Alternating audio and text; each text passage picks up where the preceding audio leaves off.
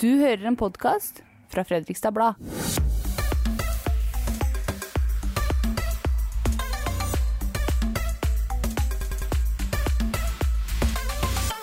Ja, og du hører på Valgopraten i Illebra-podden. Og her møtes politikere som både er enige og uenige i FB.NOs Valgomat. Jeg heter Trond Øyvind Karterud, debattredaktør her i Fredrikstad Blad. Og i dag så har jeg fått besøk av Arne Sekkelsten fra Høyre og Erik Skauen fra MDG. Velkommen hit, begge to. Takk for det. Tusen takk. Det er altså sånn, Dere er helt enige om en sak og helt uenige om en sak. Og vi skal begynne med, med den dere er uenige om.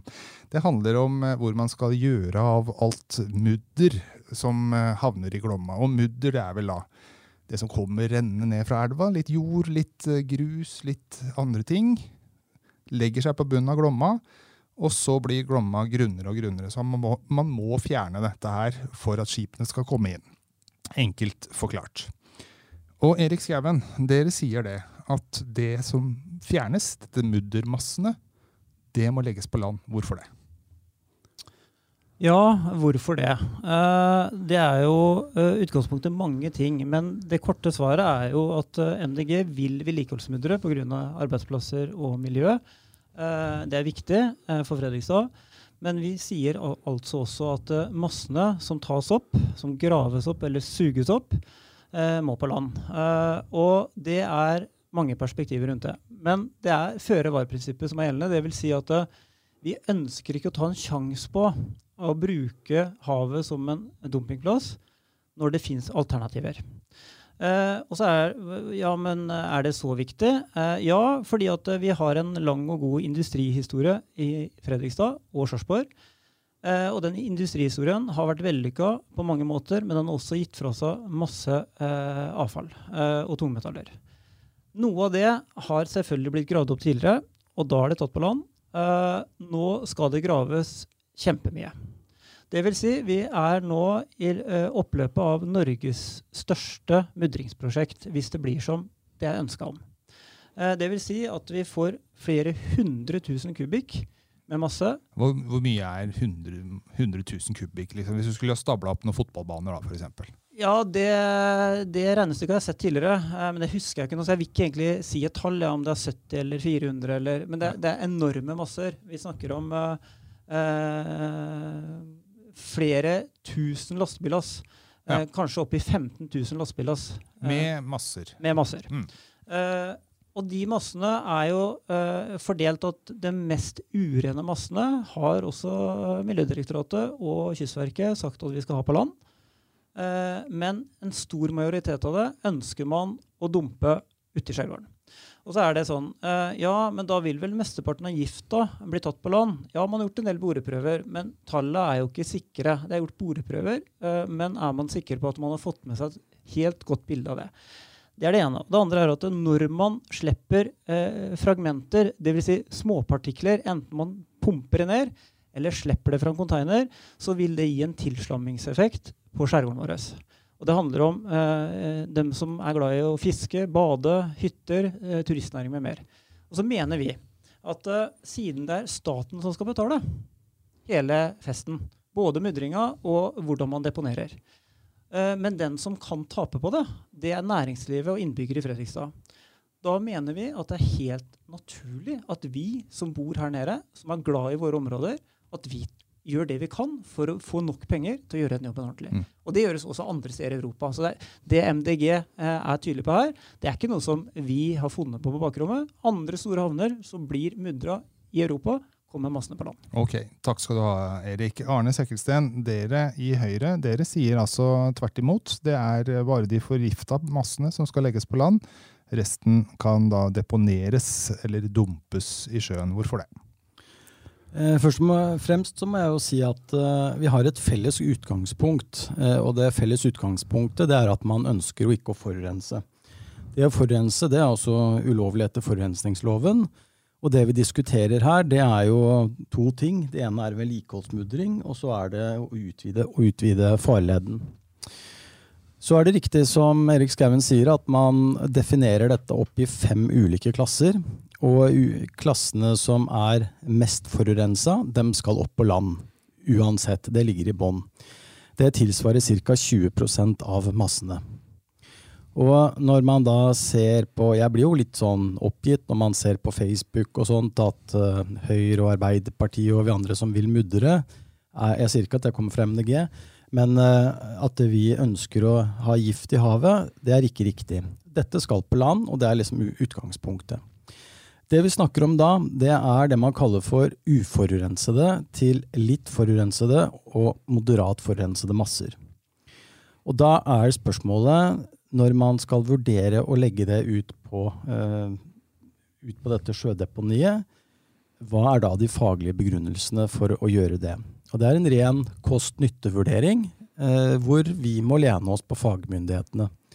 I 2014 så hadde man reguleringsplaner, uh, og der ligger dette ganske grundig konsekvensutreda. Det lå med 52 ulike fagnotater. Du har Kystverket, du har Miljødirektoratet, du har alt som kan krype og gå av offentlige instanser som har gjort faglige vurderinger på dette. Men det var i 2014. Ja, det er jo ni år siden. Ja. Verden har gått framover siden det, eller? Ja, definitivt. Og så, Da kommer vi til den andre problemstillingen. og Det er jo det som hele tiden blir hevdet, at direktoratet og Kystverket ikke har oppdaterte uh, vurderinger, og at det har kommet ny teknologi. Én ting er å legge de forurensede massene på land. Eh, Erik Skauen har et poeng når han sier føre-var-prinsippet. Og det går på at når man da skal legge de øvrige massene ut på sjødeponiet, så er de i utgangspunktet ikke spesielt forurensede. Men det man må forhindre, det er at disse partiklene eh, da går rundt i området og likevel da kan ødelegge nærområdet. Det som er Clouet her det er måten man legger muddermassene på land. Eh, vi har mislykkede eksempler, som Erik Skauen har vært inne på, hvor man har prøvd seg på sjødeponi, men hvor man har rett og slett eh, ført massene for høyt i vannet, slik at det har spredd seg. Her er det detaljerte det er både detaljerte eh, beskrivelser fra direktoratet og Kystverket og den med det andre, hvordan man skal gjøre dette her. Så sent som oktober 20, eh, nå i 2022 så ligger det en helt sånn konkret vurdering på hvordan man skal unngå at disse partiklene flytter seg. Og så skal jeg bare avslutte med å si at Erik har jo rett i at man kan ta et føre-var-prinsipp. Men problemet her er at hvis du skal føre alle massene på land, så vil det ha en helt annen kostnad, og da blir det ikke mudra. Hvis det blir konsekvensen, Erik, ja da, uh, da, står det mellom to valg som ja, du ikke vil ha. Jeg har lyst til å bare si et par ting. Uh, for det første så uh, er det jo for dere lyttere at vi politikere vi har respekt for hverandre. Og, og, og veldig mye av det Arne Sekkelsten i Høyre her sier, det er jo også MDG helt enig i. og så er vi uenige i forhold til masse, hvor massen skal hen. Men, men, men Arne Sekkelsten sier også at han lener seg på fagmiljøene.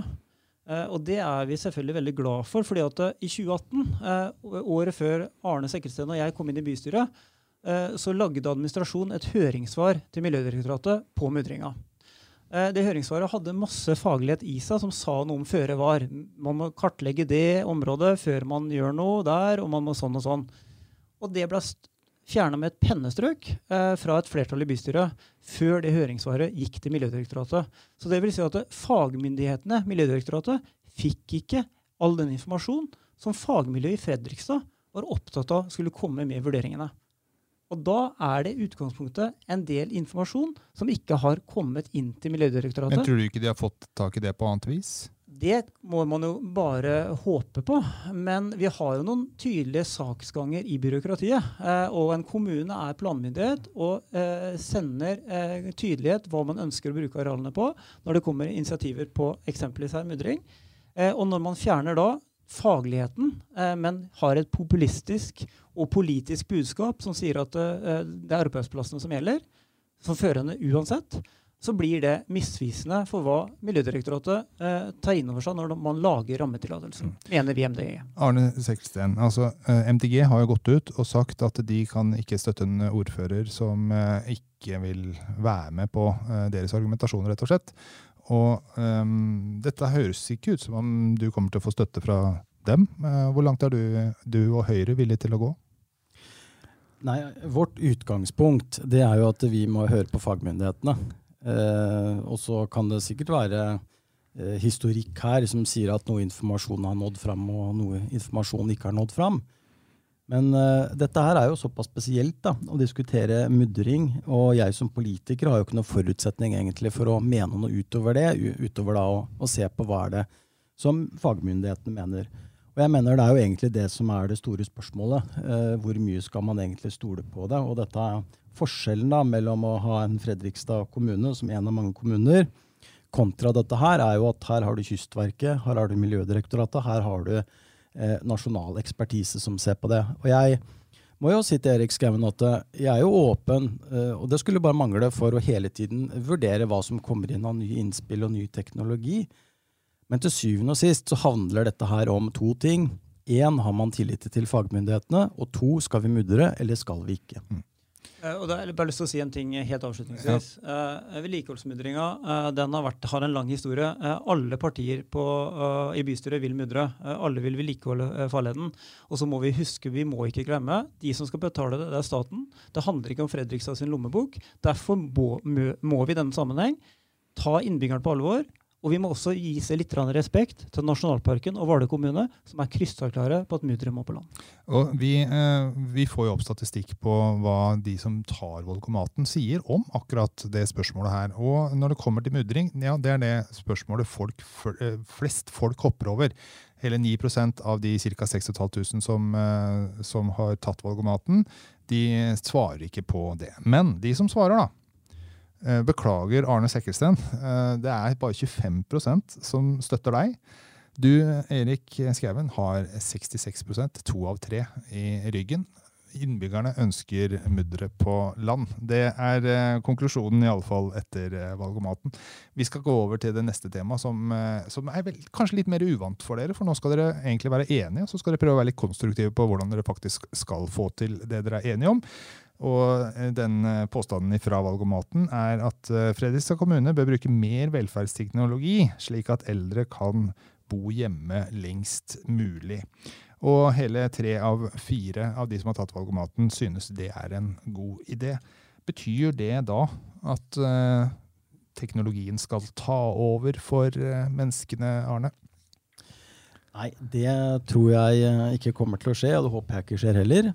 Men uh, man har jo mange eksempler på at velferdsteknologi er noe som er positivt for eldre og syke. Uh, ta bare den enorme utviklingen vi har hatt på det å kunne ringe til barn og barnebarn gjennom ulike iPader og det hele. Og jeg har jo selv en, en farmor som er, eh, begynner å dra, begynner å gå, komme godt opp i åra, og som sitter med et sånt nettbrett Uh, som da kan få en bilder osv. Kan man si det er bare en uh, liten eh, del av det store bildet. Og det er det jo selvfølgelig. Men det jeg tenker er viktig, det er at vi bruker de fordelene som teknologien medfører. Og så tenker jeg også at uh, det meste av teknologiutviklingen her, det vil jo skje i næringslivet. Og det som er Fredrikstad kommune sin oppgave da, det er å legge mest mulig til rette og forsøke å oppmuntre mest mulig til å bruke sånn type teknologi. Hvordan ser du for deg best mulig eldreomsorg med mest mulig velferdsteknologi og syke, gamle boende hjemme, Erik? Ja, eh, jeg tror det, det grunnleggende eh, for mennesker og innbyggeren det er at vi har kontakt med andre mennesker, og vi har også muligheten til å få frisk luft. Det er liksom avgjørende for god helse. Eh, så eh, når vi snakker om velferdsteknologi, så snakker vi egentlig om noe som gjør at eh, det legges mer til rette for at mennesker, eh, pasienter, brukere, får bedre tid med enten dem som skal hjelpe dem, eller med andre. Og så skal det på en måte skape en trygghet og en triveligere hverdag. Og jeg bare så komme med eksempler på det. for at Velferdsteknologi, hvis det brukes riktig, og man er varsom med bruken, men det brukes riktig, så har det et kjempepotensial for bedre liv. Et eksempel som gjøres i Fredrikstad i dag. Uh, vi har mennesker med nedsatt funksjonsevne som bruker bleier. Uh, når de legger seg om kvelden, eh, så blir det jo ikke de tatt opp før på morgenen hvis ikke eh, det er behov for det. Men ved å ha en sensor i bleia, så kan den som er på jobb, få vite at nå har jeg gått på do. og da kan man ta opp og hjelpe og skifte, vaske. Som igjen gjør at man ikke får noe utslett, får mer, mindre ubehag, og man får hjelp når man faktisk trenger det. Og Samtidig høres det jo litt ut som en invadering av privatlivet ditt. da. Det kan man jo si, men hvis man bor på en, eh, en, eh, et pleiehjem eller lignende, hvor man har tilsyn flere ganger om natten, Uh, og jeg er sikker på at uh, her er det også uh, pleiere som sjekker både bleia og sånn i løpet av natten, Men da slipper man å kanskje sjekke tre ganger mer enn nødvendig. da. Man sjekker når man på en måte får beskjed. Så jeg, jeg tenker ikke på det som invaderer, jeg tenker på det som en veldig trygghet. Men ta et annet eksempel. da. Hvordan kan hjemmesykepleien få muligheten til å bruke mest mulig tid med brukeren? Uh, og uh, istedenfor å uh, eksempelvis kjøre mest mulig eller bruke tid på å finne låsen. Vi har e-låssystemer hvor man har bytta ut alle nøklene med at man kommer seg fort inn, og så kan man bruke mer tid hos brukeren. En annen ting er at man har uh, dirigert flåtetrafikken, så man har, sitter, prøver å minimere bruk i bil og mest mulig hos brukeren. og her er det mange eksempler på at det blir både Men jeg har lyst til å ta et siste eksempel. For jeg begynte med det med relasjon.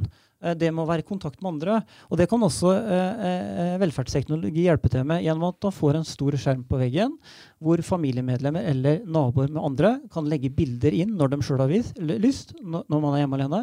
Eller man kan ta kontakt og snakke sammen via skjerm. Det er positive effekter av velferdsteknologi. Men velferdsteknologien må ikke være istedenfor menneskelig kontakt, men det må være et tillegg til. Mm. Og så er det vel kanskje litt billigere, Arne, hvis du nå blir ordfører. Det kan jo det får vi vite utover høsten. Ja, billigere, hva tenkte du med Bill, Billigere for kommunen å ja. heller uh, ha velferdsteknologi enn mennesker, da. Ja, absolutt. Og jeg tror jo de aller, aller fleste har jo lyst til å bo hjemme så lenge som overhodet mulig. Og det er jo klart at vår jobb som politikere da, det må jo være å legge mest mulig til rette for det. Og jeg er jo jeg er jo helt enig i alt som Erik Skauen her sier. Det er jo kanskje ikke så Nei, Det er derfor dere er her. Ja, det er valgopraten dere er enige om nå. ja. men, men, men, det, er egentlig, det, er jo egentlig, vanskelig å være uenig i det òg, eh, på sett og vis. Eh, så spørsmålet her er jo egentlig hvordan er det man omsetter dette her i praksis. Fordi eh, det er jo, ja, Og der er jo egentlig hele kjernen. Eh, hvor flink er kommunen til å omsette dette i praksis? Og så vet jeg at vi har en egen avdeling som jobber med dette her. Eh, men det jeg tenker er litt viktig da, det er jo at man Eh, ikke bare sier at man har fokus på det, men at man også måler opp og ser hva er det effekten er av den nye velferdsteknologien. Hva kan vi bruke? Eh, og følger dette med prøveprosjektet og har et ganske aktivt forhold til det. da. Det høres ut som dette her er noe dere kommer til å ta med dere i åra framover. Det er vel ingen som helst tvil om. Takk for at dere kom hit til eh, Valgopraten. Arne Sekkelsten fra Høyre og Erik Skauen fra MDG. Tusen takk. Takk for det.